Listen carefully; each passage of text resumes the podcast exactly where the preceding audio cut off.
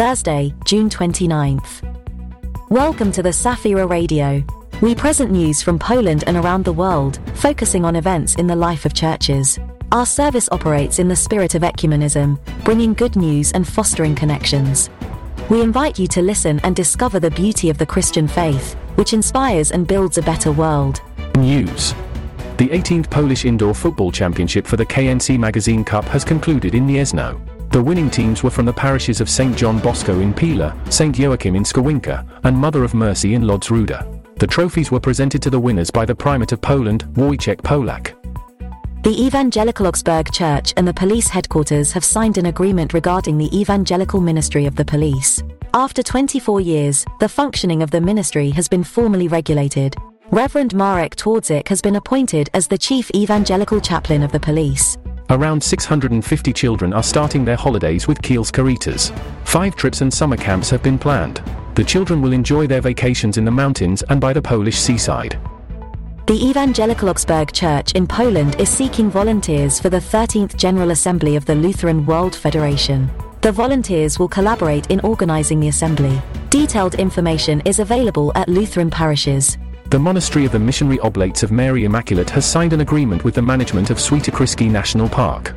It concerns the use of the ground floor of the western wing of the monastery on Holy Cross. There is a natural exhibition located in the monastery, which will be relocated to a new complex in Nowa Słupia.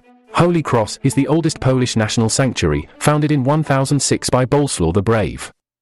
Italy. Two fathers of large families have been ordained as permanent deacons in Trento. Both are involved in helping orphaned and sick children in impoverished countries. Currently, the Archdiocese of Trento has 30 permanent deacons. Surprisingly, Saudi Arabia is attracting a significant number of evangelical Christians who visit biblical sites.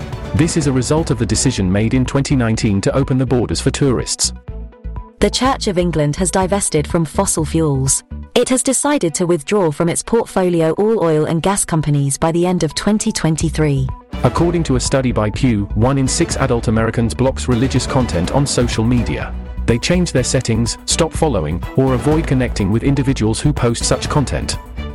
The Church of Solidarity and Harmony, belonging to the Mosaic Mennonite Conference in Philadelphia, is conducting special missions. In their clinics, they assist Haitian immigrants in filling out immigration related documents, supporting their efforts to obtain work permits in the USA. Churches in Estonia are leaving the United Methodist Church and forming the Estonian Methodist Church. This decision stems from controversies regarding the interpretation of the Bible and the role of LGBTQ individuals within the denomination. More and more churches experience divisions due to the struggle for minority rights to same sex marriage and the ordination of clergy from the LGBTQ community.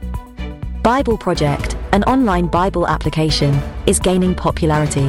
Starting with two videos in 2014, the project has grown to over 180 productions. The animations have accumulated over 620 million views worldwide. The studio produces content for over 200 countries and has gathered over 5 million subscribers. Scientists warn that Campi Flegrei, a supervolcano beneath the Phlegraean fields in Italy, is nearing an eruption.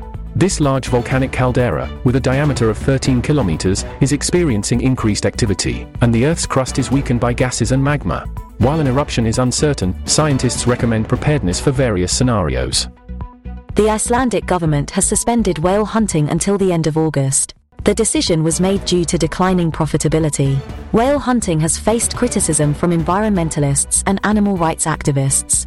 Thank you for spending time with us, and we invite you to listen to Safira Radio. May the Lord shower you with blessings and keep you safe. Until we meet again.